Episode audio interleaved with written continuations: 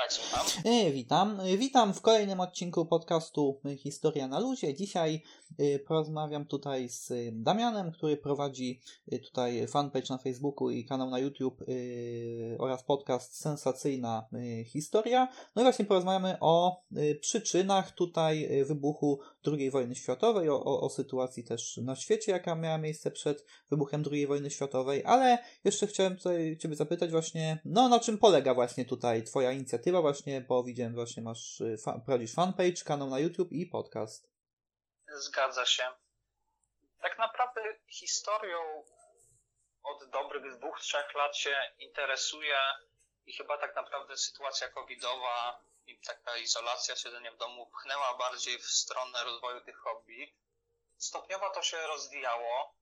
Jestem tak naprawdę pasjonatem programu Bogusława Wołoszyńskiego. Mam ze sobą kilka jego książek. Audycje jeszcze w Radiu Z Bogusław Wołoszański, nazwane Sensacje XX wieku, prowadził. I gdzieś to wielokrotnie w trasie, autem, w pracy czasami, która nie wymagała jakiegoś e, skupienia na tych słuchawkach, te podcasty, takie audycje u mnie były do snu też często, więc z jednej strony była to pasja do historii, z drugiej strony sam byłem, że tak powiem, osobą, która korzystała z takiego typu materiału i jakoś to się po prostu przekuło, że sam po prostu poczułem chęć stworzenia czegoś takiego. Pierwotnie myślałem o podcastach, aczkolwiek głównie teraz tworzę materiały wideo, które po prostu konwertuję na audio i również równolegle e, dodaję na platformy e, podcastowe, to jest Google Podcast, Apple, czy bodajże iTunes, Spotify. Istnieje przy tym fanpage na Facebooku, na którym zapowiadam odcinki, wrzucam informacje o odcinkach, no i na tych właśnie wymienionych, że tak powiem, platformach materiały dostępne. Mm, jasne, no tak, no bo tutaj właśnie pan, pan Wołoszański też jest tutaj nawet nazwany popularyzatorem historii właśnie, nie? No bo dzięki właśnie e, programom takie, jakie właśnie Bogusław Wołoszański realizował, no to nawet no, bardzo dużo ludzi zainteresowało się właśnie dziedziną y, historii. Tak, y... muszę przyznać, że jest to połączenie w zasadzie tak naprawdę przedstawiania faktów i historii i to, co uważam właśnie w przypadku popularyzacji, ale co sam też staram się robić, przedstawianie jej w sposób po prostu ciekawy, taki przystępny dla zwykłego Kowalskiego, powiedzmy. Prawda, zastanawiając się, jakie chcę tworzyć odcinki, dla kogo chcę tworzyć odcinki, to staram się też nie przesadzać, że tak powiem, z terminologią, z datami. Jeśli nawet mówię o datach, to rok, a nie 13 sierpnia, godzina 11, żeby po prostu nie zasypać też kogoś tymi informacjami. Tak właśnie w przypadku tej popularyzacji, co też ty wspomniałeś, korzysta z tego wiele ludzi, w tym ja, i to też mnie tak z czasem doprowadziło, że sam zaczynam podobne rzeczy robić. Właśnie taki sposób przedstawiania tej historii owocuje. No właśnie, no i jakbyśmy tutaj już przeszli do, do tematu, no właśnie warto się zastanowić jakby, no jak wyglądała sytuacja właśnie w Europie po, po zakończeniu I wojny światowej. No tak, to już na cały materiał zapowiem, że będę starał się jak najbardziej do faktów odnosić, aczkolwiek czasami będę też snuć domysły, bo nie chcę po prostu też wprowadzać błąd, żeby nie odbierać zero-jedynkowo moich wypowiedzi. Jak będę na przykład mieć o czymś opinię, to powiem moim zdaniem, a będę starał się mimo wszystko odnosić do faktów. No właśnie, a to jest też ważne tutaj właśnie. Wa ważne jest właśnie to, że właśnie no, warto po prostu też swoje opinie jakieś też y, podawać, co też skłania słuchacza do jakichś też trochę przemyśleń, zastanowienia się jakiegoś nad tak, danym, tylko... daną sprawą. Właśnie. Tak, tylko mimo wszystko posiada się pewnego rodzaju odpowiedzialność, także zachęcam mimo wszystko do krytycznego słuchania, ponieważ moja wiedza historyczna jest właśnie bardziej pasjonacka, aniżeli załóżmy z wykształcenia. Mm, tak. A więc przechodząc do sytuacji po Wielkiej Wojnie i wojnie światowej w Europie. Miało miejsce głębokie przeobrażenie polityczne, narodowościowe, gospodarcze. Kontynent był tak naprawdę, a w zasadzie więcej niż tylko Europa, ale głównie działania się sprowadzały do Europy. Były, wyniszcz, były wyniszczone miasta, śmierć poniosło kilkanaście milionów ludzi i jak zwykle w przypadku wojen, tak jak później II wojny światowej, większy stopień stanowili cywile, śmierć od głodu, chorób. Wojnę wygrała Ententa, której trzon stanowiła Wielka Brytania, Francja i Rosja. I do tej koalicji dołączyło mniej znaczące 25 państw. Przegrana wojny przez Trójprzymierze, w skład którego wchodziło Cesarstwo Niemieckie, Austro-Węgry, Imperium Osmańskie oraz Bułgaria, która dołączyła rok po rozpoczęciu się I wojny światowej. Po zakończeniu I wojny światowej odrodziło się wiele państw lub powstało na nowo. Polska po 123 latach zaborów, zaborów wróciła znowu na mapę. Czechosłowacja, Jugosławia, Litwa, Łotwa, Estonia, Finlandia. Powstała również Liga Narodów w 1920 roku, która to z inicjatywy prezydenta Stanów Zjednoczonych Woodrowa Wilsona miała gwarantować pokój na świecie i jak to się mówiło, wojna, która kończy wszystkie wojny. Dlatego też nazwano Wielką Wojną. Niestety historia pokazała, że II wojna światowa kilkukrotnie przebiła w tragedii jej rozmiary. Niemniej właśnie traktat wersalski podczas konferencji paryskiej wygran, wygrana, czyli e, Ententa stanowiła ład na świecie, miała wprowadzić, tak jak było kilkanaście punktów Wilsona, miała wprowadzić trwały pokój, żeby nie doprowadzić już do, do takiej tragedii ponownie.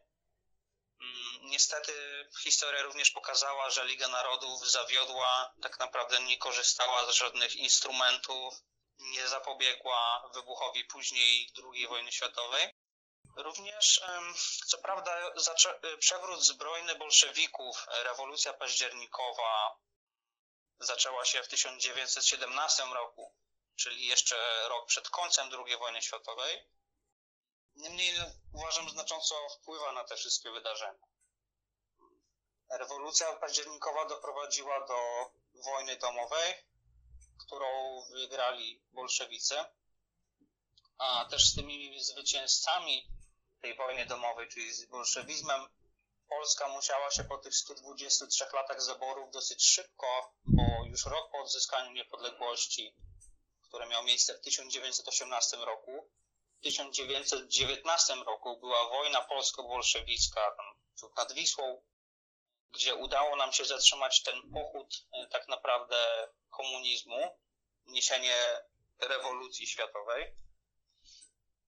Mm, mimo wszystko powstało też wiele terenów, które zostały odebrane wielu narodom, tak naprawdę sankcje polityczne, głównie obciążone Niemcy traktatem wersalskim, którym zabrano wiele terenów tak naprawdę przydzielenie to innym narodowościom, a z drugiej strony, tak jak powiedziałem, Liga Narodów, która po prostu słabo albo wręcz wcale nie tak naprawdę nie zarządzała skutecznie tym ładem. Powstawało wiele waśni, wiele waśni na tle narodowościowym, religijnym, spory.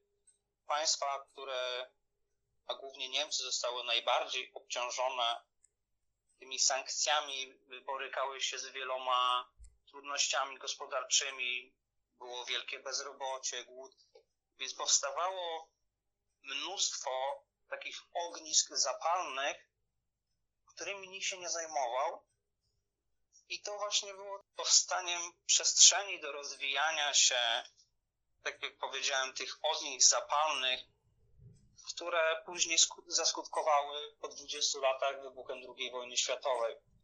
Padły dynastie, monarchie coraz mniej, monarchie przestawały istnieć. E, Hohen, Hohenzollernowie tutaj stracili władzę właśnie tak. w, Niemczech. Habsburgowie, Romanowie, e, rodzina Romanowów e, tak, podczas rewolucji bolszewików, którzy wymordowali rodzinę carską. No i może postawię trochę kropkę. Może chciałbyś coś tutaj dopowiedzieć, albo będę w stanie mimo wszystko może jeszcze rozszerzyć trochę ten temat. No właśnie, tutaj tak jak, tak jak właśnie wspomniałeś, tutaj właśnie powstało dużo ognisk y, zapalnych. No tutaj Niemcy czuły się właśnie pokrzywdzone tutaj na przykład traktatem wersalskim, później no i kryzys, y, kryzys z końca lat dwudziestych, który tutaj no dotknął y, cały świat, ale i właśnie też Niemcy, no to doprowadziło to do tego, że w Niemczech zaczęły się takie ruchy ekstremistyczne pojawiać, gdzie tutaj czy to komuniści, czyli radykalna lewica, czy to naziści tutaj rośli w y, siłę tutaj, nie? I co doprowadziło do tego, że no, naziści przejęli władzę w, w, w Niemczech.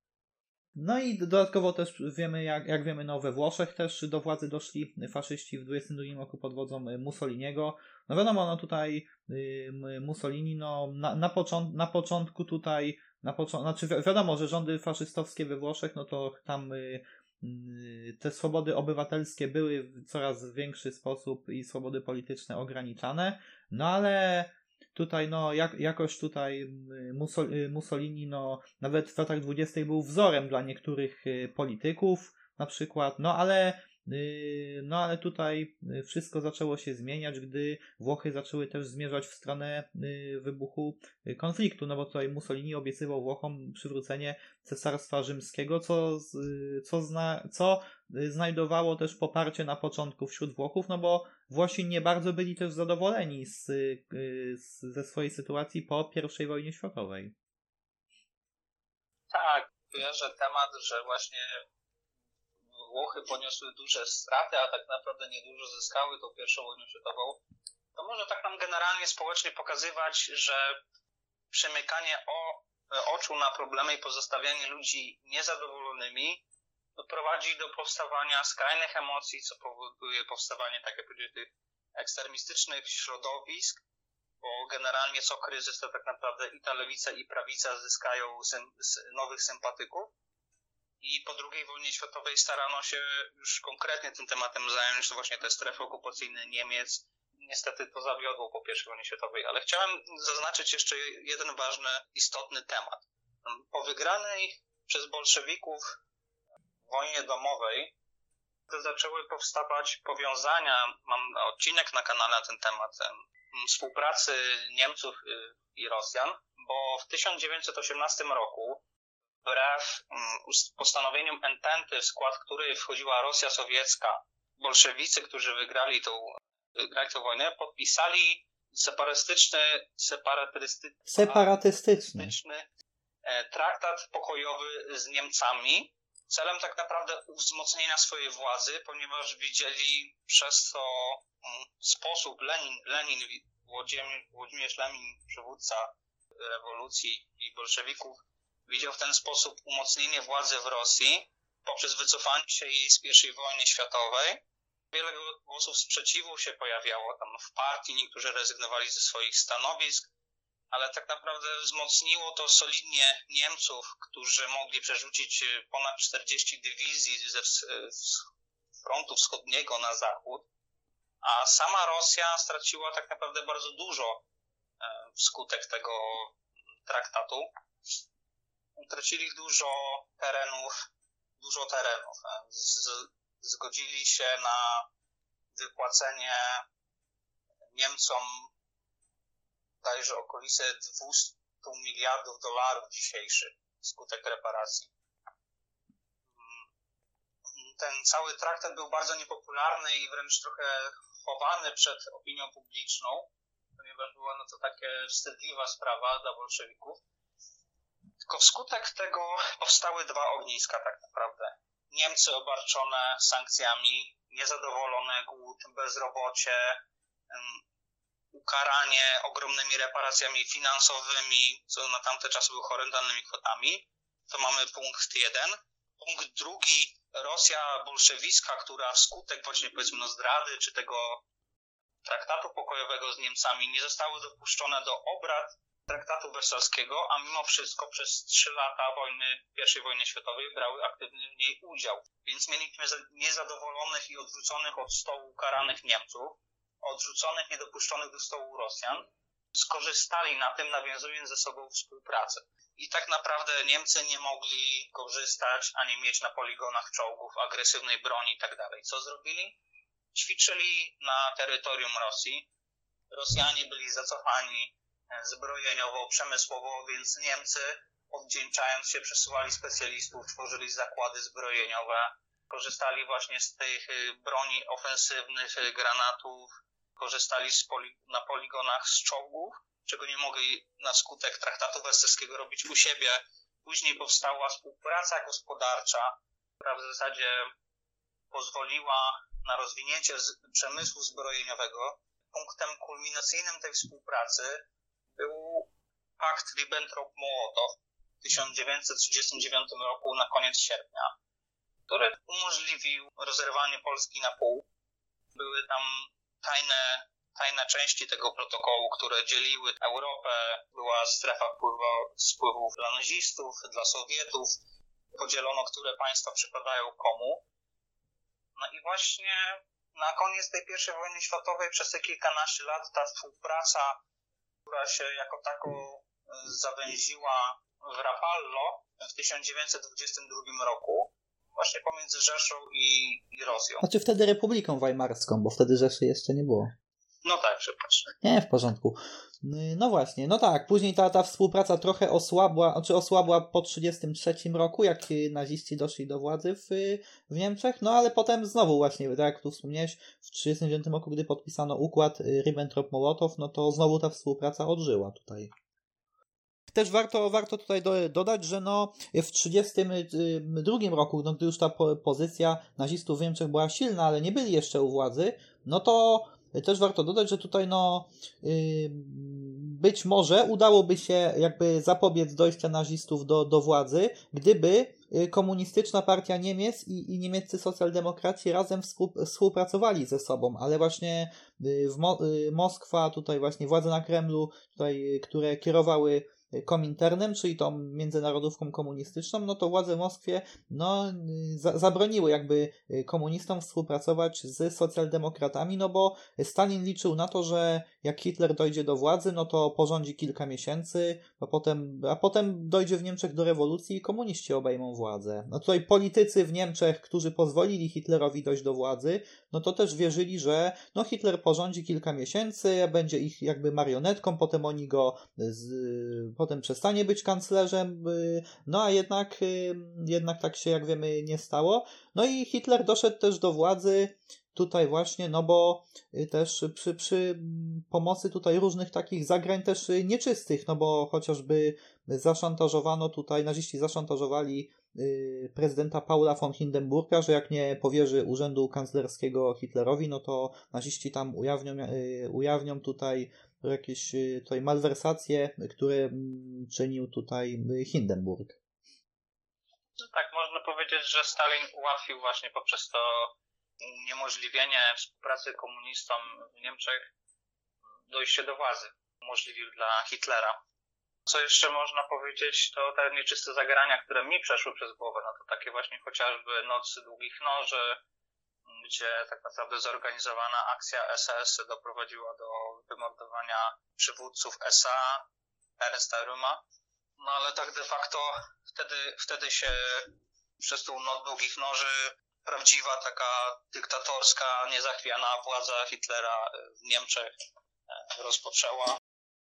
No tak, naziści właśnie umocnili, umocnili y, swoją tutaj y, władzę właśnie. Wtedy już Hitler od 1934 roku został dyktatorem, no bo i też y, już niedługo potem zmarł prezydent von Hindenburg i wtedy Hitler został mianowany Führerem, czyli połączono urząd kanclerza i prezydenta w jedno stanowisko.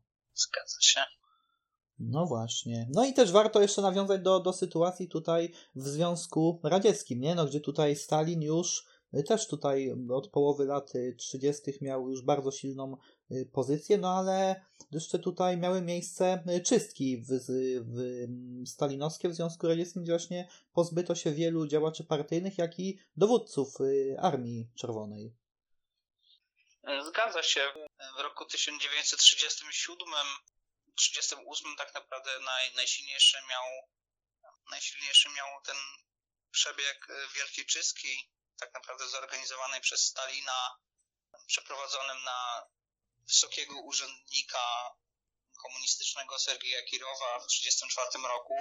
co później zaczęło falę aresztowań ludzi, którzy pod wpływem tortur przyznawali się do wyimaginowanych teorii spiskowych, podawali kolejne nazwiska, którzy, że tak powiem, oprawcy z NKWD kazali im skazać, co powodowało kolejne aresztowania.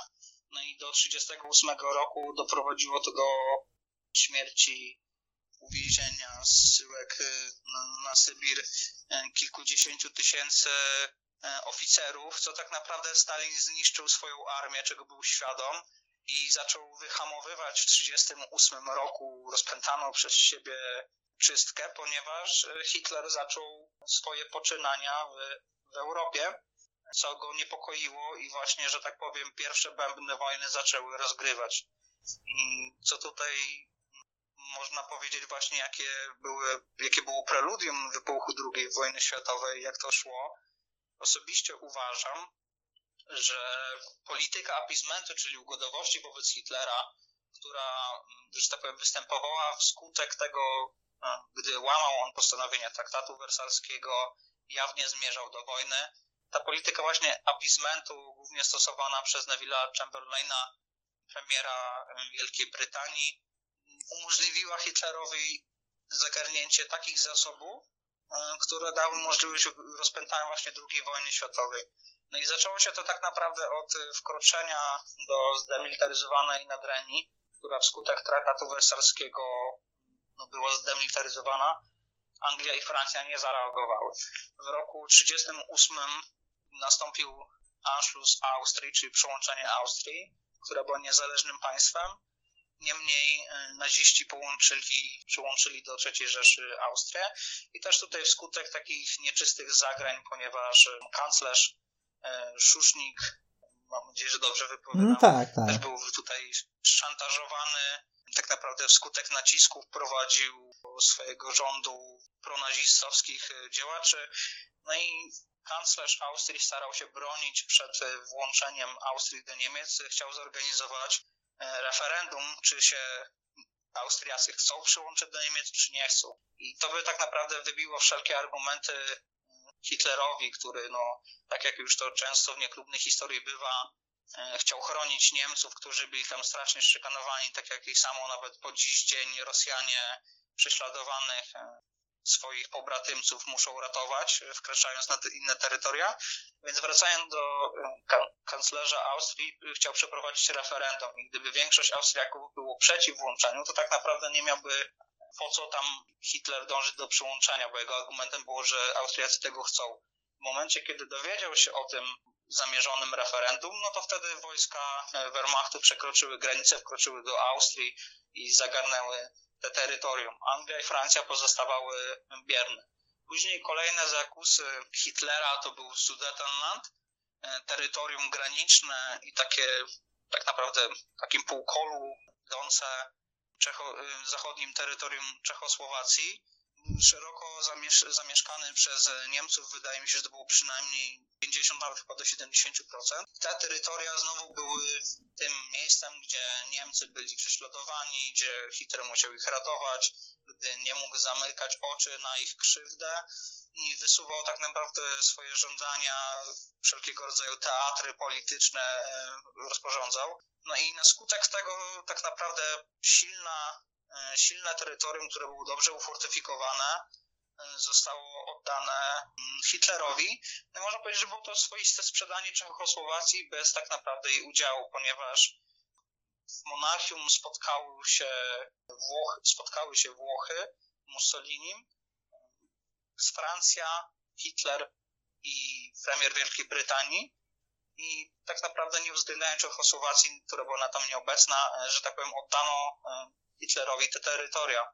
No i Chamberlain wrócił e, samolotem i na płycie lotniska machał kartką papieru, e, mówiąc, że przywiózł pokój. Niedługo potem, bo jeszcze w tym, tym samym roku, Hitler tak naprawdę zagarnął resztę Czechosłowacji, która to też posiadała liczną armię, posiadała dobrze rozbudowane zakłady zbrojeniowe, i całe, że tak powiem, te zasoby, o których wcześniej mówiłem, które umożliwiły rozpętanie wojny, dały też siłę e, do, te, do tego, żeby stawić się mocarstwom tamtejszego świata.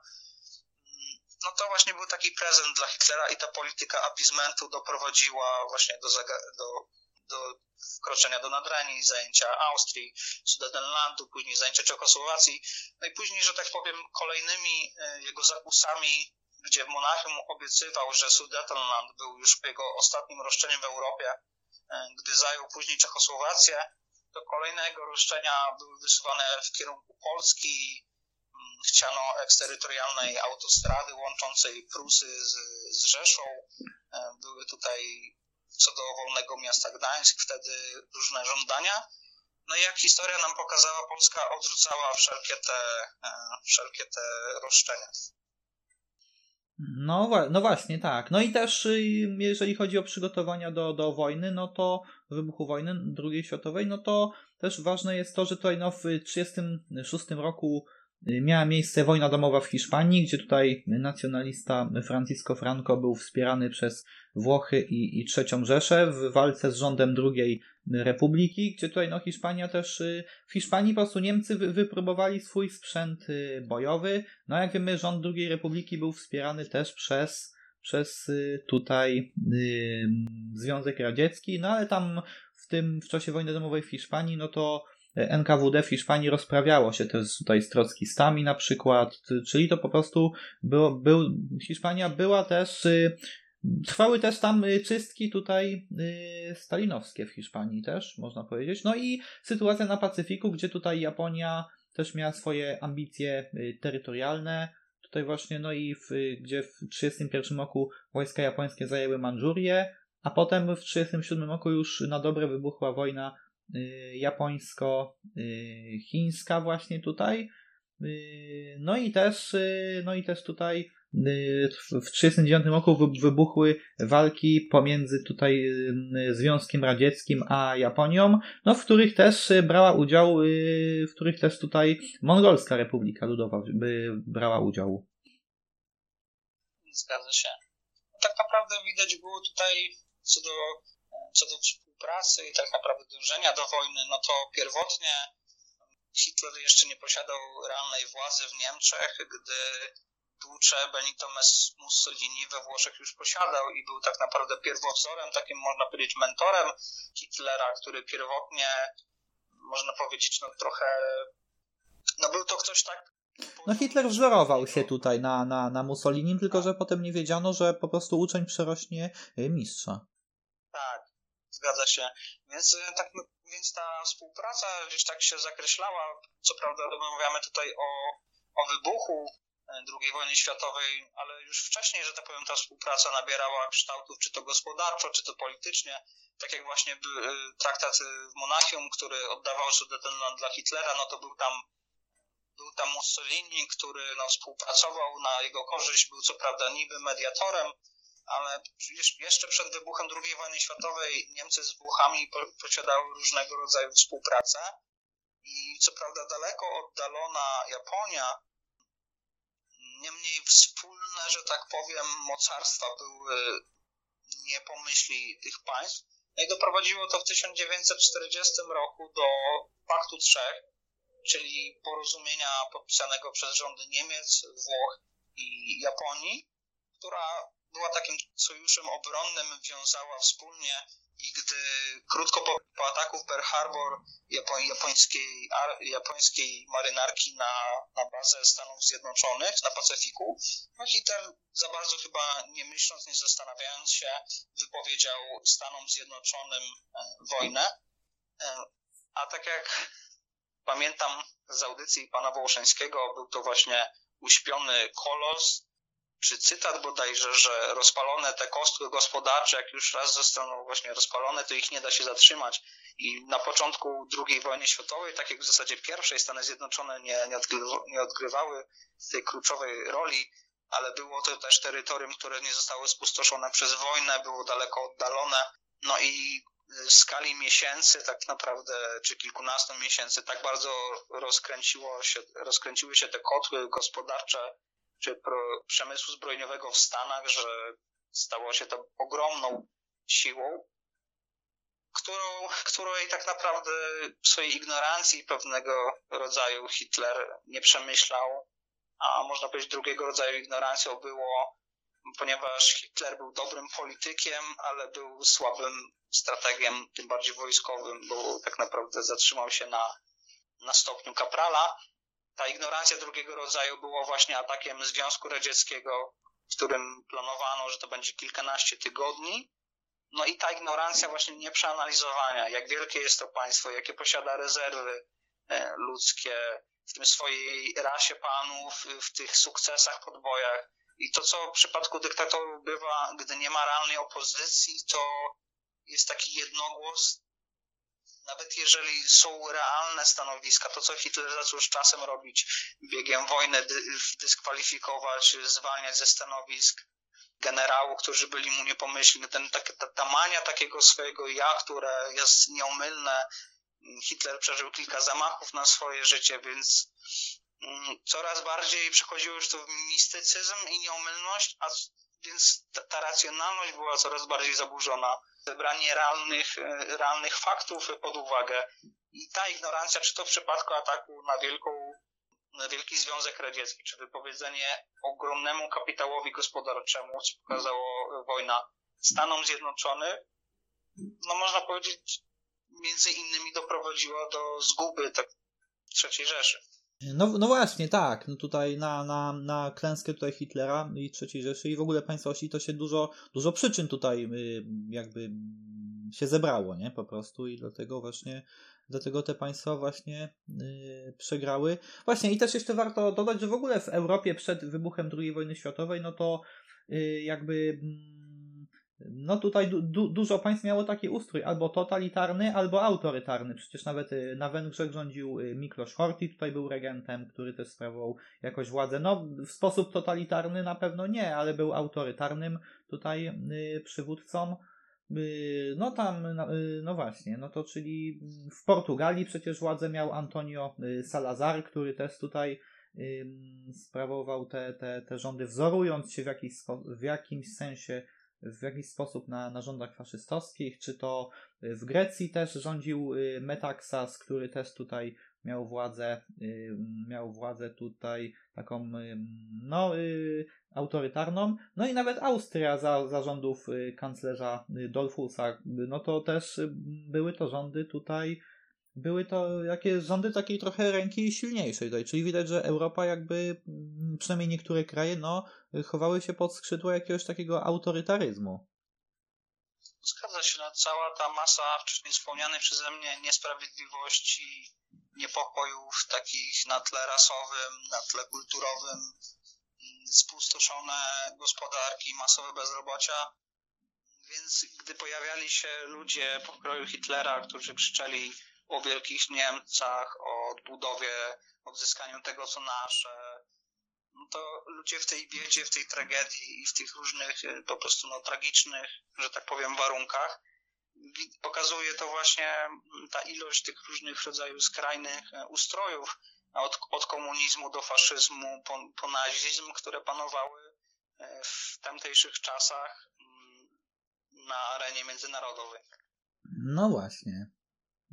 No tak. No i też tutaj też tutaj właśnie yy, war, warto też yy, warto też yy, tutaj y, zastanowić się nad sytuacją w Polsce tutaj, nie? W dwudziestoleciu y, międzywojennym, no bo tutaj właśnie Polska y, odzyskała się niepodległość w 18 roku. No i tak jak tu już mówiliśmy, była wojna polsko-bolszewicka też właśnie tutaj, gdzie y, bolszewicy zostali odepchnięci spod y, Warszawy. No później wiadomo, w Polsce wybory prezydenckie w 22 roku, gdzie został pierwszy prezydent Narutowicz zamordowany. Piłsudski właśnie przestał być naczelnikiem państwa, wtedy no i były to rządy w Polsce tutaj takie parlamentarne, no ale Piłsudskiemu za bardzo nie podobał się ten parlamentaryzm tutaj w, w Polsce. Rządy też często się zmieniały, no i w 26 roku miał miejsce, miał miejsce tutaj y, przewrót y, majowy, gdzie tutaj Piłsudski y, dokonał zamachu stanu. No i te rządy zaczęły zmierzać w stronę takiego też autorytaryzmu.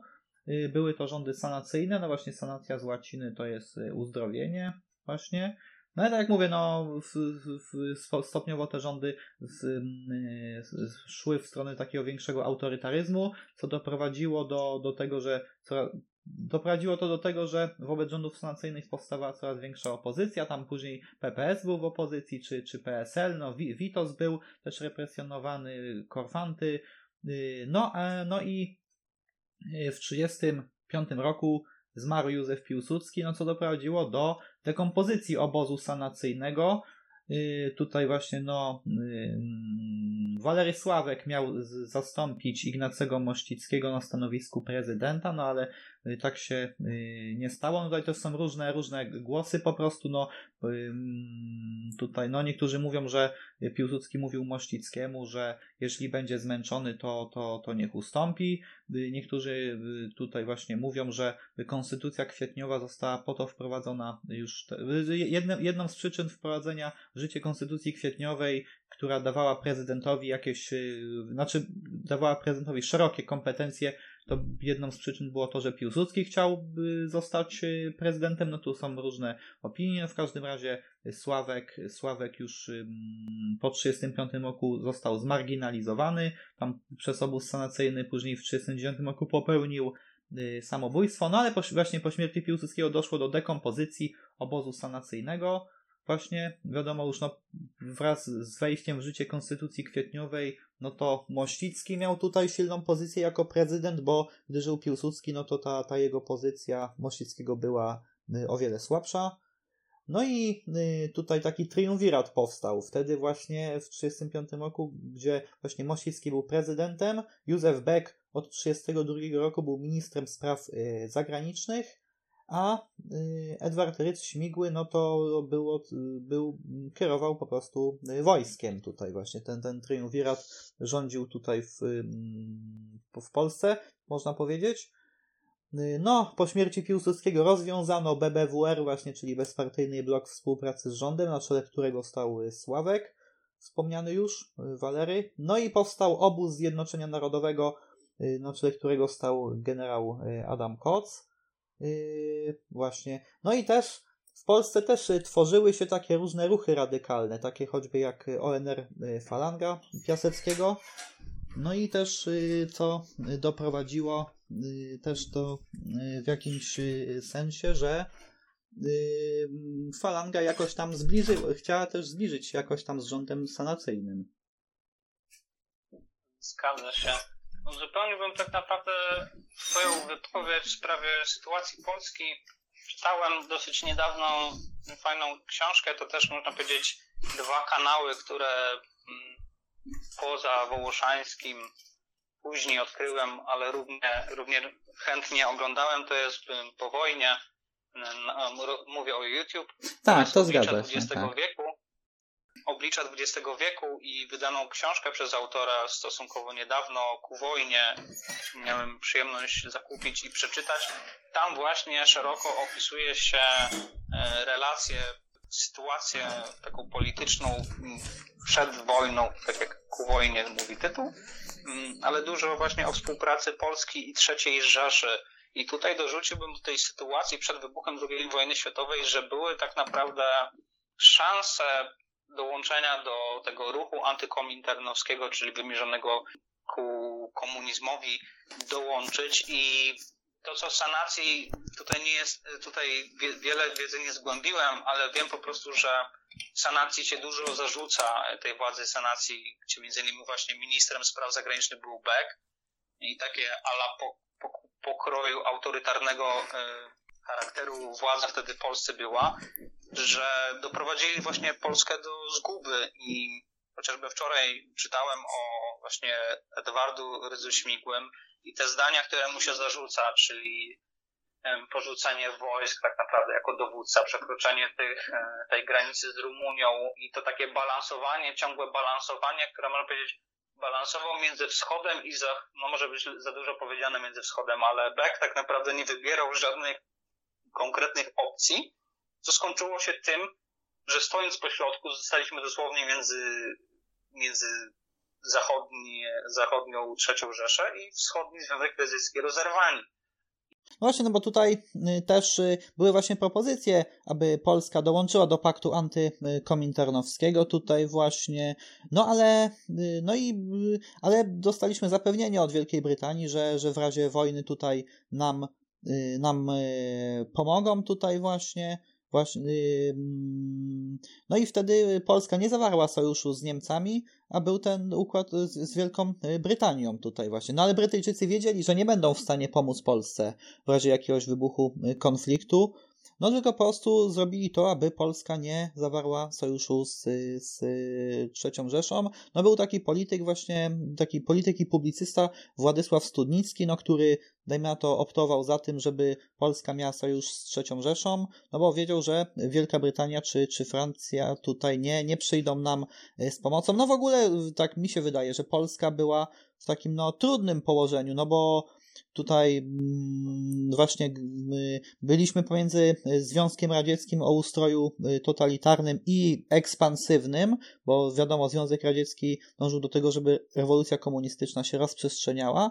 No i y, drugim naszym sąsiadem była Trzecia Rzesza, która też, której ideologia, czyli nazizm też był, była ekspansywna, no bo nazizm zakładał po prostu podboje, czyli no, gdybyśmy zawarli sojusz na przykład z Trzecią Rzeszą, no to po, gdyby po zwycięstwie tutaj, dajmy na to, y, po jakiejś tutaj serii zwycięstw niemieckich, no to Hitler być może i tak zająłby później y, tereny y, Polski, a, a Związek Radziecki właśnie, no to też dążył do tego, żeby ten komunizm szedł, żeby rewolucja komunistyczna wybuchła w innych państwach, czyli Polska też była tutaj zagrożona. Mieliśmy bardzo trudne położenie po prostu geograficzne też. No tak, postulują jedne, jak i drugie stanowiska, że no, to można powiedzieć definitywnie sytuacja była trudna i posiadała swoje za i przeciw. Mm, z tych przeciw y, to właśnie wspomniane porzucenie, porzucenie wojsk, niedołączenie do żadnego obozu, można powiedzieć taka no, kolokwialnie głupia polityka i taka nierozsądna beka, która skazała Polskę na zagładę. Mm, aczkolwiek też teraz powiem moim zdaniem, Anglia, znaczy, mm, przepraszam, cofnę się trochę. W 1938 Hitler dołączył Austrię, co nie było, że tak powiem, pokłosiem dążenia do wojny.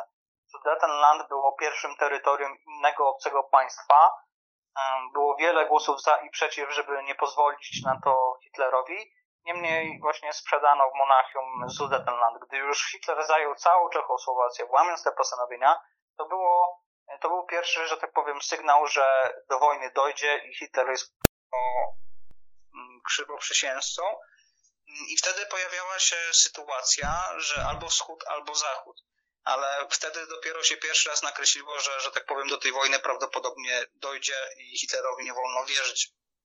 I Anglia i Francja, moim zdaniem, ale na podstawie materiału, które po prostu zapoznałem się, dążyły do tego, żeby ten pierwszy cios spadł na Polskę. Dlaczego? Ponieważ gdy cios spadnie na Polskę, na wschód, Zachód będzie w tym czasie bezpieczny i dopiero mm, kupiło to tak naprawdę rok czasu dla Francji, zanim po, po że tak powiem, zreorganizowaniu zasobów, odnowieniu armii e, Hitler uderzył na Zachód, ale ten rok właśnie został kupiony przez te obietnice Polsce o wypełni- o tak naprawdę pomocy i wypowiedzeniu wojny, do czego nie doszło. My ponieśliśmy jako kraj tego konsekwencje, a właśnie zarzuca się sanacji czy to Beckowi nieracjonalną po prostu, e, nieracjonalne prowadzenie polityki, Y, no tak, właśnie, no to i też y, jakby dzisiaj nawet też, no jakby też różnym ludziom łatwo jest oceniać na przykład, nie, jakim, jakim, jakąś tutaj daną, daną postać czy, czy, czy sytuację, to też nie, ciężko po prostu, no łatwo dzisiaj jest na przykład komuś oceniać jakby jakieś, jakieś działanie, a nie wiadomo jak ktoś sam zachowałby się w takiej sytuacji. Tak, jeszcze dopełniłbym to, że na skutek tych obietnic Anglia, Francja o pomocy. Działania obronne Polski były nastawione, e, no, z tego co pamiętam z materiałów, z którymi się zapoznałem, po jak najdłuższej linii, że tak powiem, bardzo rozciągnięta była ta linia obronna zamiast po prostu bronienie konkretnych punktów i takim bardziej strategicznym rozlochowaniu tych wojsk. Tylko w przypadku, gdyby miała być wojna, że tak powiem, pomóc Anglii i Francji, to właśnie z tych traktatów o wzajemnej pomocy tych sojuszniczych było to, że musiała być wyraźna obronna, zbrojna obrona Polski. To był jako jeden z elementów, który z, zobowiązywał Anglię czy to Francję do wypełnienia tych zobowiązań sojuszniczych. I właśnie dlatego nasza e, obrona wyglądała w ten sposób. Tylko w momencie, gdybyśmy nie mieli mieczernej pomocy, taka tego typu obrona jest e, słabsza aniżeli takie właśnie bardziej strategiczne w pewnych e, miejscach takich strategicznych rozlokowanie tych wojsk. Więc to też była konsekwencja, nasza kampania wrześniowa i sposób prowadzenia była konsekwencją właśnie tych niewypełnionych, tych obietnic sojuszniczych. No właśnie, a przecież też w 1939 roku już y, Polska na przykład musiała przeznaczyć o wiele więcej na obronność, na przykład y, na granicy, granic, granic trzeba było bardziej na przykład y, pilnować w 1939 roku, już od marca, no bo to jak wiemy Hitler zajął Czechosłowację, czyli ta granica z naszym potencjalnym wrogiem się wydłużyła. No tak, bardzo diametralnie. Z jednej strony mieliśmy Prusy, mm, pierwotne, że tak powiem, granice z Niemcami, później to te granice czechosłowackie, więc byliśmy, można powiedzieć, z trzech kierunków ze strony niemieckiej, no i później jeszcze ze strony sowieckiej, ale tutaj bym jeszcze skomentował jedną rzecz, że Hitler tak naprawdę nie wiedział, może jeszcze zanim, przepraszam, jeszcze zanim dojdziemy do Stalina, 3 września Anglia i Francja wypowiedziały Hitlerowi wojnę, na co on ciężko zareagował. Kojarzę ostatnio z książki, że powiedział w tamtym momencie do ministra spraw zagranicznych Joachima von Ribbentropa, co teraz? No i nie spodziewał się tego, ale jak niestety bardzo przykro historia pokazała, skończyło się tylko na wypowiedzeniu wojny i termin historyczny dziwna wojna, czyli zrzucanie e, samolotami milionów ulotek, które atakowały Hitlera i kazały się obudzić e, narodowi niemieckiemu w momencie, gdy czołgi i samoloty bombardowały polskie miasta. Polacy z bardzo dużym entuzjazmem zareagowali na to wypowiedzenie wojny. Wydawało się, że tak powiem, uda nam się jakoś z tego wykaraskać, lecz przez tygodnie, bo do 17 września nic na to nie wskazywały, były małe mobilizacje wojsk. Mm, no i Stalin tak naprawdę obserwując, bo nie wiedział jaka będzie reakcja, że tak powiem, zachodnich mocarstw, a te ustalenia, że tak powiem, podzielenia, podzielenia Polski, tajne ustalenia, kto, jaka strefa wpływów jest, kto zajmuje jakie państwa, to były tajne ustalenia tego protokołu Ribbentrop-Mołotow. Mm, Stalin obserwował przez te dwa tygodnie, jaka jest reakcja, a gdy zobaczył, że tej reakcji nie ma, bo zwlekał tak naprawdę z tym, e, z tym wkroczeniem na terytorium Polski, no to 17 września nastąpiła agresja Związku Radzieckiego na terytorium Polski. Rozporządzenia sanacyjnego właśnie Rydza Śmigłego żeby uciekać na południo, przez południe, wycofywać się z bolszewikami, nie walczyć, chyba że będą próbowali bezpośrednio rozbroić. Wtedy już była przesądzona całkowicie mm, sytuacja Polski. Jeśli w tym bardziej wcześniej mm, w Anglia czy Francja nie wystąpiły z pomocą czy wypełnieniem zobowiązań sojuszniczych dla Polski, gdy tylko mierzyliśmy się z Hitlerem, to w momencie, gdy również Stalin w cudzysłowie broniąc swoich rodaków, Białorusinów, Ukraińców, e, przed, też przed polskim, że tak powiem, ciemiężcą wkroczył na nasze terytorium, no to wtedy już tym bardziej definitywnie nie można było mówić o jakiejkolwiek spodziewanej pomocy dla Polski, czy wypełnianiu właśnie tych zobowiązań sojuszniczych.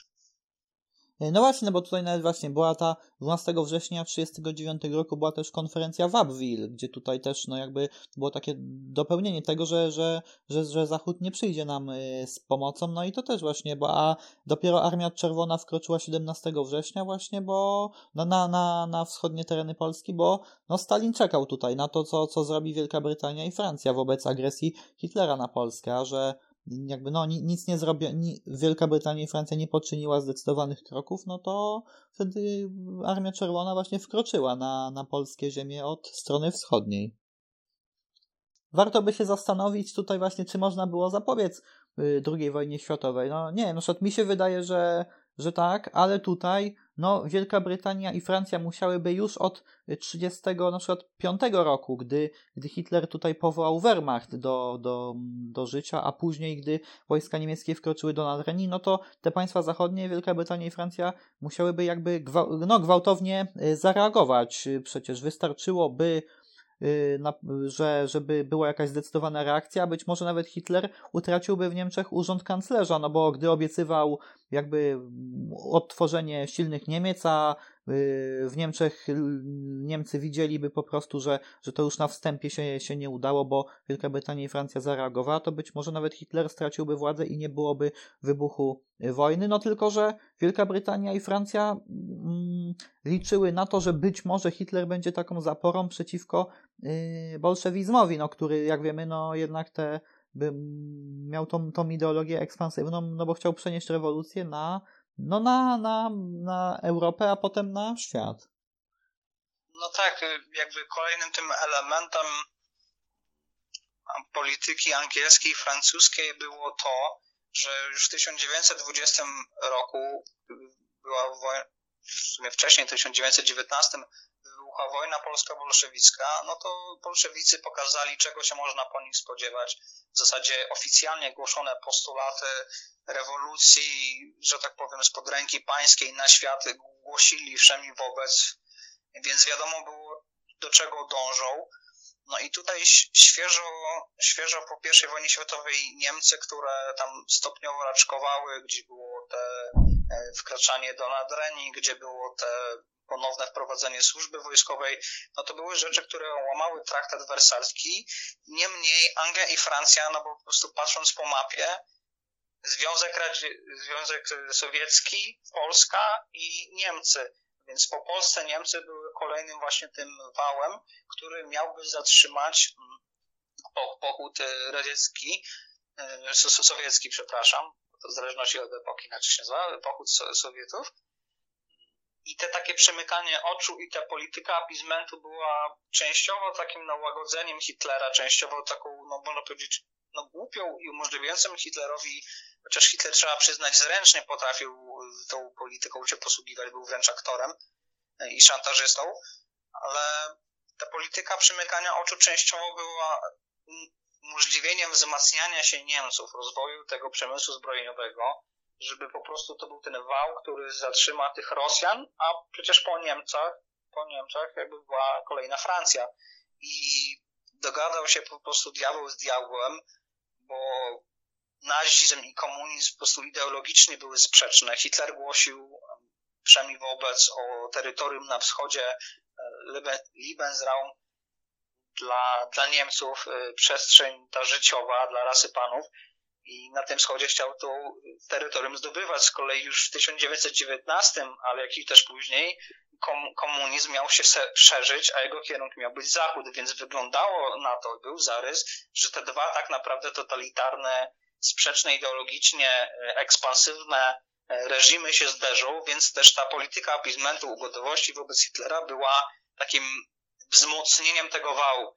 I co się stało? Zamiast wału było podanie sobie ręki, rozerwanie Polski, współpraca przez, e, do, przynajmniej do operacji Barbarossa, czyli ataku niemieckiego na Związek Sowiecki, była współpraca gospodarcza, przecież tam miliony, miliony ton ropy i tak dalej, wszelkie takie zbrojeniowe y, materiały surowcowe, ta, ta szeroka, szeroka współpraca istniała, y, gdzie zakładano i wyglądało na tym, że te dwa tak naprawdę reżimy będą się zwalczać, więc Polska, która była pomiędzy y, młotem a kowadłem, została pozostawiona sobie. Były te tak naprawdę zapewnienia dla nas.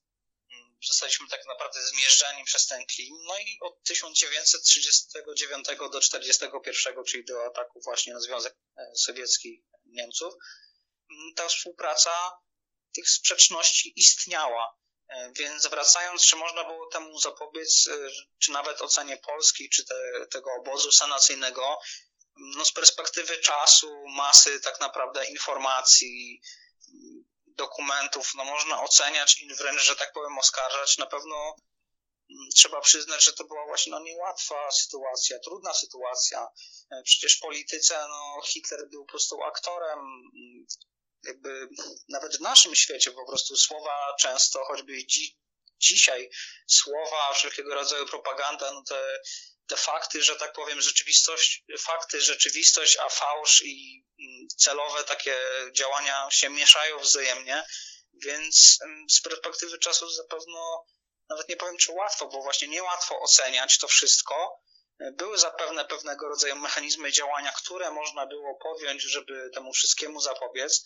I kojarzę właśnie z jakichś materiałów mm, że były pewnego rodzaju rozkazy, że gdy wkraczali na terytorium Nadrenii Niemcy, że tylko jakby się pojawił jakiś czołg, jakiś po prostu korpus y, wojsk francuskich, to mieli po prostu stamtąd zawracać, a ta pasywność właśnie mm, powoli nadrenia Austria, Sudetenland, Czechosłowacja, Polska było tak naprawdę no, milionami obywateli, zasoby, zasoby, surowce, przemysł zbrojeniowy, które po, po, tak naprawdę umożliwiły po, powstanie tego potwora, który, który doprowadził do tak ogromnej tragedii.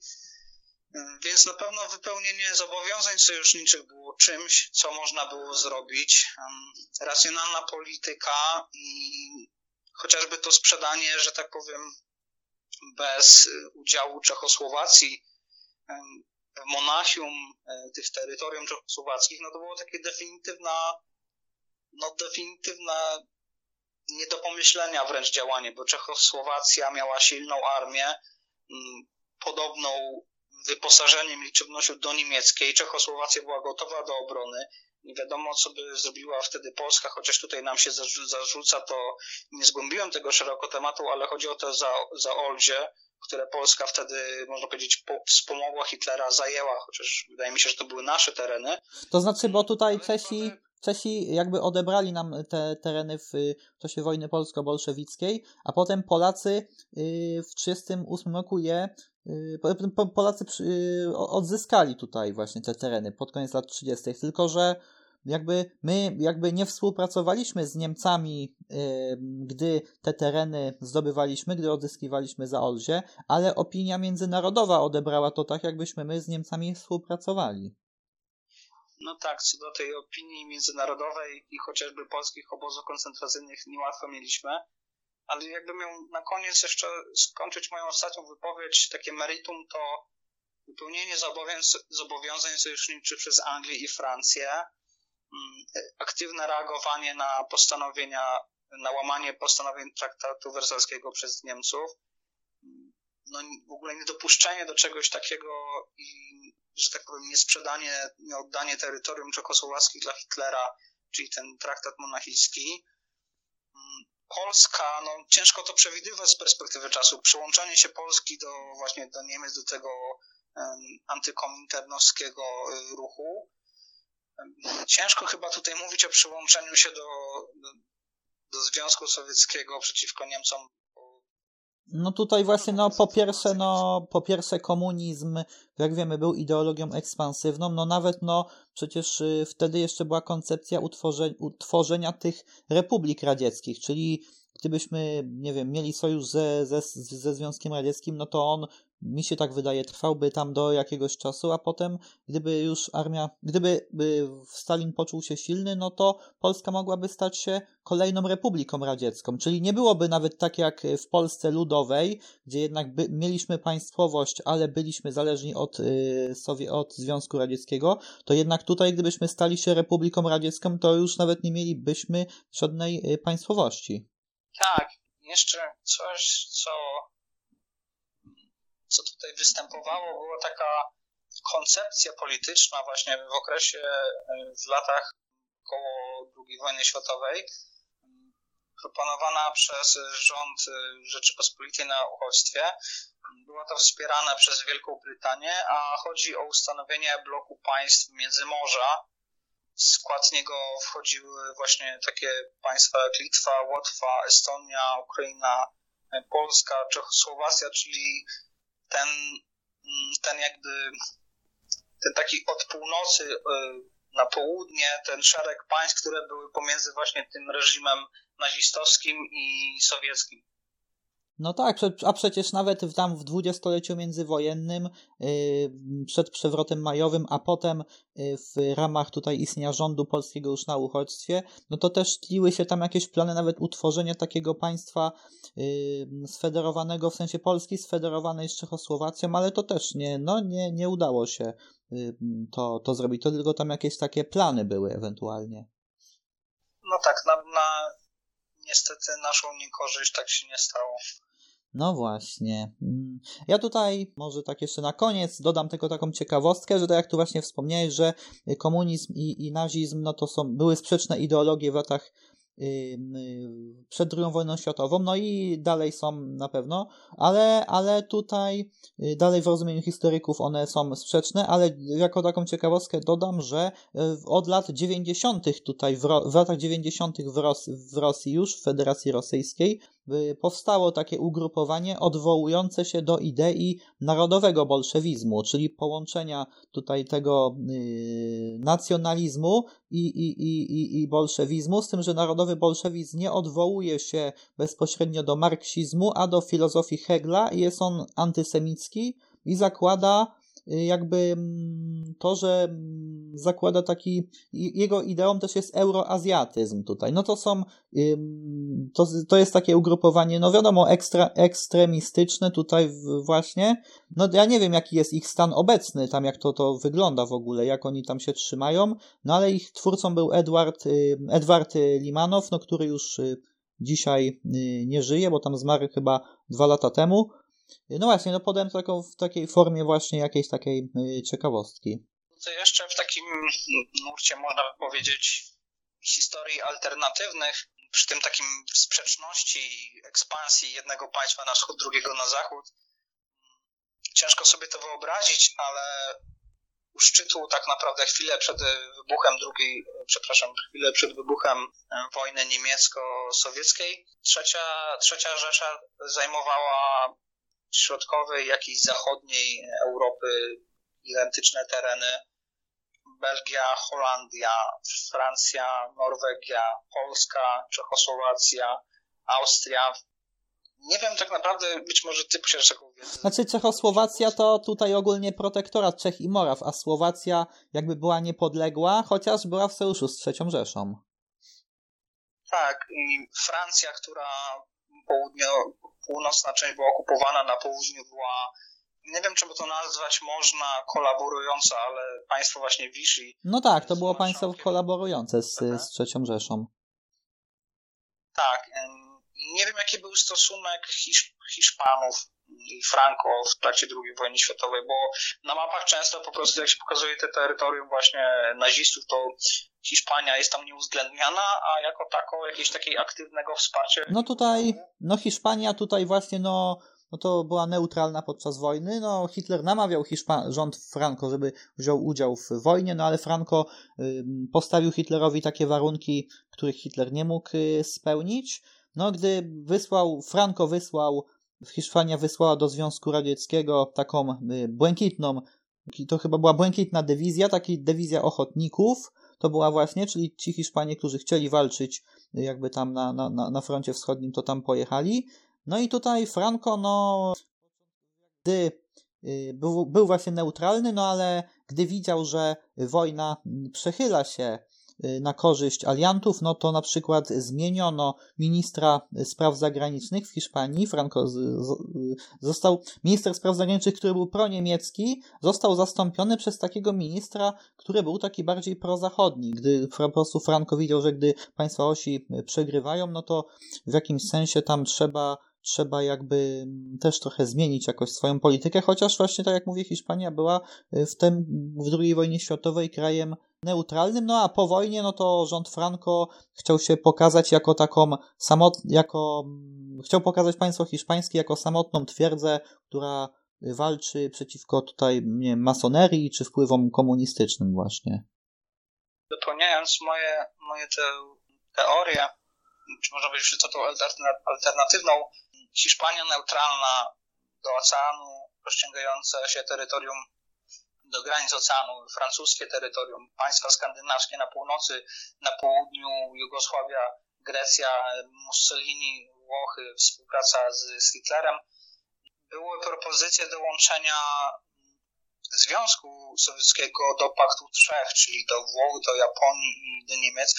No i tutaj wracając do tych naszych, że tak powiem, przeciwstawnych bloków, jeśli w jakikolwiek sposób udałoby się to, nie wiem, ugodzić czy połączyć, to USA za oceanem, które jeszcze nie dołączyło do wojny, oblegana Wielka Brytania i gdyby od tej Francji państwa skandynawskie, po Morze Śródziemne i Związek Sowiecki, który na wschodnie terytorium Azji się rozciąga, powstałaby współpraca, jakieś pogodzenie egzystencji y, właśnie tego Paktu Trzech jeszcze ze Związkiem Sowieckim i tym bardziej ze Stanami za oceanem, które nie, nie udziału w wojnie, to nie pozostaje tak naprawdę żadne inne państwo, które byłoby w stanie przeciwstawić się temu, można powiedzieć, jednowładztwu światowemu. No, nie wiem, czy może, mogę użyć takiego stwierdzenia, że niestety Hitler ze Stalinem się nie dogodzili, to powstało, ale właśnie z tej historii alternatywy, gdyby ten Związek Sowiecki aktywnie się jakoś pogodził tym terytorium i dołączył do tego paktu i bez Stanów Zjednoczonych, no w sumie jedynie Wielka Brytania pozostawała, ale tym bardziej przy udziale e, Rosjan, nie wiem w jaki sposób mogli dalej by się opierać, no to nie byłoby nikogo, kto mógłby powstrzymać tak naprawdę ten straszny twór. E, no właśnie, tak, no bo przecież e, nawet władze w Moskwie chciały właśnie dołączyć do tego paktu trzech, no ale były, Hitler właśnie tutaj zauważył, że Stalin już jakby chce, chce, chce zbyt wielu y, terytoriów i to jakby już tam było, Hitler uznał, że jest to sprzeczne z interesem, interesem y, Niemiec tutaj, nie, właśnie. No tak, ale wtedy, tak, ale wtedy no tutaj by, to już byłby taki blok państw no raczej nie do pokonania, no bo właśnie Wielka Brytania nie dałaby rady, bo była oblegana, a, a Stany Zjednoczone, y, Stany Zjednoczone, no to tutaj no też y, byłoby, no bardzo trudno byłoby pokonać taki, taki blok państw. No wtedy też zależy po prostu, też jeszcze nie, nie wiadomo, gdy, jakby się to tak potoczyło, czy Japonia uderzyłaby na Stany Zjednoczone, bo jaką, jaką wtedy Stany Zjednoczone prowadziłyby politykę wobec Japonii. Zgadza się. To jeszcze tylko dopełniając wcześniejsze wypowiedzi, bo dwa razy miałem w głowie i zapomniałem, dopełniając nasze wcześniejsze wypowiedzi odnośnie tych przeciwnych e, bloków i tak naprawdę tego niekrycia się z sobą, no to Hitler, późniejszy kanclerz i co okazało się, Stalin zainteresował się książką Mein Kampf w momencie, gdy Hitler stał się kanclerzem, to już w środku tej pozycji, tej książki napisanej przez Hitlera, tam były bezpośrednio e, zaznaczone, jaki ma stosunek, że tak powiem, Hitler czy naziści mają do bolszewizmu, marksizmu, jawnie bezpośrednio uznawali ich za wrogów, więc ta, że tak powiem, przeciwność względem siebie była jawnie niekryta. I, i tak i ten pakt Ribbentrop-Mołotow, te podzielenie się, że tak powiem, ta współpraca gospodarcza, no w mojej ocenie właśnie mam ten odcinek na kanale, zapraszam, mm, no było takim ciężko by powiedzieć chwilowym wstrzymaniem broni. Było takim... Sojuszem taktycznym może. Sojuszem taktycznym tak, takim. takim. Chwilową współpracą, ale e, nawet się mówi, że były jakieś głosy, to jest to już tylko moje domysły, czy takie przybłyski, że były głosy wojny prewencyjnej Rosjan na, na Niemców, bo to jakby wiedziano, że z jednej czy z drugiej strony w końcu to wystąpi i Wczoraj oglądałem bodajże dokument y, anglojęzyczny, w którym Hitler zdradził Stalina. Było to wielkie zaskoczenie, ale z tego, co mi się wydaje, to właśnie chociażby od tej ideologii, te kilkanaście lat tego Mein Kampf. Y, Stalin ciągle mówił, że nawet wręcz nie chciał wierzyć. Były te głosy o prowokacji, że to jest angielska prowokacja, że mm, ignorował te całe mm, przemieszczania wojsk. Y, Hitler uspokajał, łagodził Stalina, mówiąc mu, że to są przygotowania do desantu na Wielką Brytanię i tak dalej, i tak dalej. No, Rosjanie zapłaci, zapłacili straszliwą cenę, no bo chociażby w, w, w pierwszych dniach w, operacji Barbarossa, czyli ataku Niemców na Związek Radziecki, to setki samolotów y, były niszczone na, y, na lotniskach, no były kompletnie nieprzygotowane do obrony. Może, może jesteś w stanie skomentować, że tak powiem, te a, prewencyjny atak Rosjan, czy to do końca? No raczej, no raczej, No, niektórzy mówią, że, że gdyby to, niektórzy mówią, że gdyby Hitler nie uderzył i ogólnie państwa osi na, na Związek Radziecki, no to Związek Radziecki za jakiś czas y, też uderzyłby na, uderzyłby na, na, na trzecią Rzeszę tutaj właśnie, być, być może, być może za nawet kilka tygodni y, później, a niektórzy mówią, że, że kilka lat y, później, że być może w 33 czy czwartym, tak. Czy było łatanie tego dowództwa armii tak naprawdę, które było, wiesz, można powiedzieć, na kolanach i było pośledzone wskutek Wielkiej Czystki. No tak, w ogóle, no właśnie, Wielka Czystka właśnie tutaj no, ba bardzo osłabiła Związek Radziecki i wtedy Stalin musiał odbudować kadrę, y, kadrę dowódczą tutaj właśnie. No i też jedno, jedną z przyczyn po prostu tego, że Niemcy i, i ich sojusznicy posuwali się tak szybko w głąb Związku Radzieckiego było to, że tutaj no byli do, nie było dobrych dowódców, tutaj dopiero tutaj Żukow jakby odegrał większą rolę w obronie tutaj y, Związku Radzieckiego. No można by tutaj szerzej komentować i wręcz materiał na, na kolejny odcinek nam by się tworzył mm, co do tego dobrego dowództwa czy Żukowa, no wręcz te takie terrorystyczne rozporządzenia ani kroków wstecz i nawet jeśli nie masz naboi, to chociażby rzuć się i zasłoń nabój niemiecki, bo przecież trzeba je wyprodukować w fabryce, więc takie traktowanie ludzi jak mięso armatnie, te rozporządzenia, no taka, wydaje mi się, że każde inne demokratyczne państwo, nie stosujące takich barbarzyńskich względem swoich mm, obywateli rozporządzeń, poddałoby się, bo przecież skala posuwań się wojsk niemieckich była bardzo duża. Kojarzę, że bodajże u szczytu nawet 60-80 km dziennie, co było, cytując pana Wołoczyńskiego, tempem niespotykanym e, w historii wojen. Ale do, do, dorzucę jeszcze ostatnią kropkę i moglibyśmy jakoś to wspólnie zamykać. Co wydaje mi się zachęciło Hitlera do, na agresję, to była wojna zimowa, czyli konflikt zbrojny między ZSRR a Finlandią, e, który który ukazał, można powiedzieć, słabość właśnie e, armii e, rosyjskiej, ponieważ kilkukrotnie słabsza armia finlandzka, no, statystyki to było bodajże 300 tysięcy ludzi przeciwko mi milionowi e, Rosjan. Mieli kilkadziesiąt czołgów, gdy Rosjanie mieli tysiące. Tak samo było w przypadku samolotów.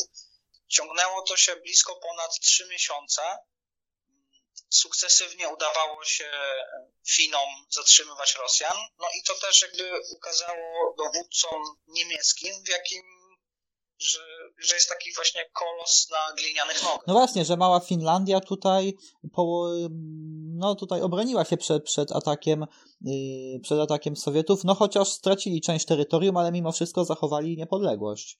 No i też y, na, na, no i też jeszcze warto tu dodać tak na koniec o tym zbrodniczym rozkazie tutaj Stalina, nie? No, który mówił, że kto o jakby zostanie schwytany przez Niemców, kto trafi do niewoli, no to też jest zdrajcą, nie? No, no był to straszny rozkaz, bo mm, również rodziny tych, Właśnie.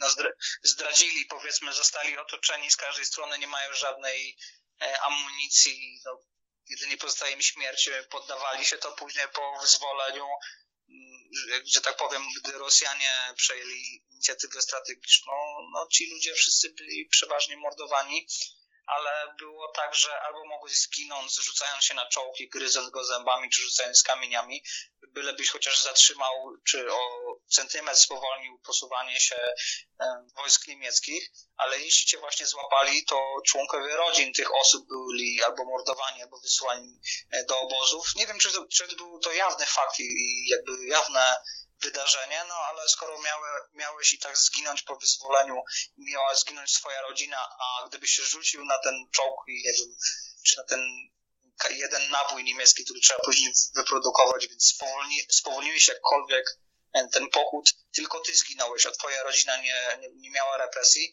no to w przypadku ocenienia, co jest mniejszym złem, wydawało się właśnie ta walka e, no, to fanatyczna, taka wręcz bezsensowna do, do ostatniego żołnierza, ani kroku wstecz.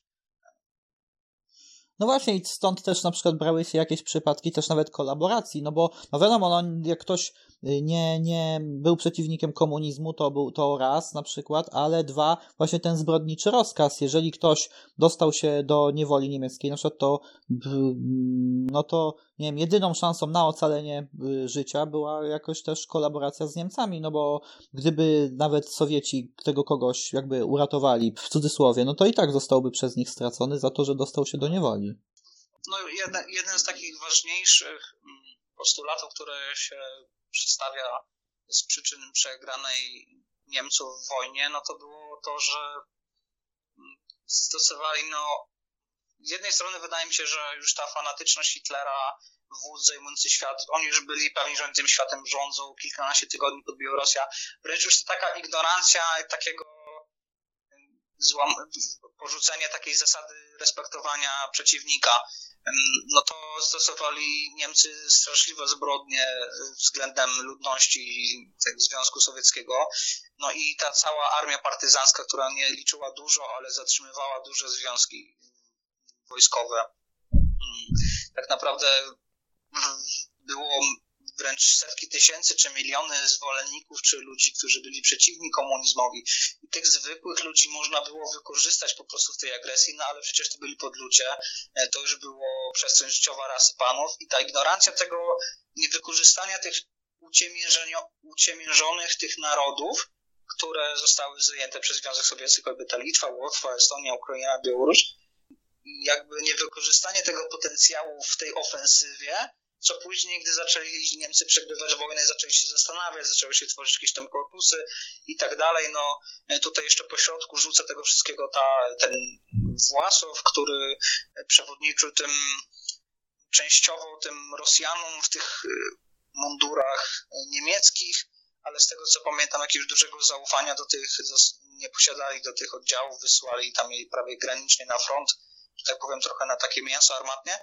No, no właśnie ta, ta ignorancja niewykorzystania tego potencjału, wręcz to taka ideologiczna po prostu ignorancja, co mogło być przyczyną wygrania przez nich wojny, a co było tym samym utrudnieniem możliwości wygrania jej właśnie przez to, że ten komunizm był dla nich wciąż mniejszym złem oraz więc ten komunizm był dla tych ludzi mniejszym złem. Były te wojska partyzanckie, które wiązały i spowalniały ten przemarsz wojsk. Więc to było to, co otrzymali wskutek takich, a nie innych decyzji, albo wręcz można powiedzieć jednogłośnych decyzji.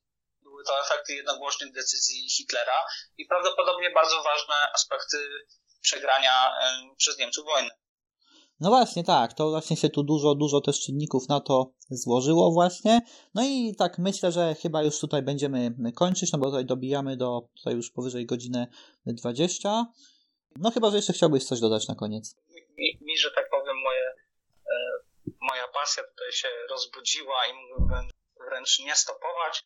No właśnie, ale wiadomo, że Myślę, czas... Że na, z powodu, z którego się spotkaliśmy i tematu właśnie ciężko tutaj nie poruszać że tak powiem, troszkę po epokach nie skakać, ale wydaje mi się, że przyczyny, że tak powiem, i tło wybuchu II wojny światowej udało nam się całkiem nieźle opisać, omówić. No właśnie, no i... Bardzo, bardzo przy, przepraszam, że ci. Bardzo przyjemnie było mi wziąć udział i dziękuję za możliwość wystąpienia. No właśnie, ja chciałem tutaj też podziękować Tobie za pozytywną odpowiedź na, na zaproszenie, tutaj za tą długą wypowiedź tutaj właśnie, obszerną też jednak, bo widać, że się też no, przygotowałeś tutaj do wypowiedzi. No tak, zresztą każdy tutaj z, z, uczestników tych tutaj moich podcastów, no też widać, że jest zawsze przygotowanie do, do, do tematu, który jest wcześniej ustalony. No i słuchaczom też dziękuję za wysłuchanie odcinka. No i jak to ja zawsze mówię, to by było na tyle i do usłyszenia w następnym odcinku. I przepraszam, ostatnie słowo. Ja również e, dziękuję słuchaczom, zapraszam serdecznie do siebie i jeśli mógłbym coś dorzucić, mm, czym już na wstępie powiedziałem, co obecnie robię, ale generalnie dalej chcę swój kanał rozwijać. Mam tutaj zamysły i w zasadzie tutaj zaproszenie Remka mnie zastymulowało do właśnie różnych współprac. Generalnie mm, najbardziej znam, naj, największy poziom wiedzy posiadam odnośnie II wojny światowej.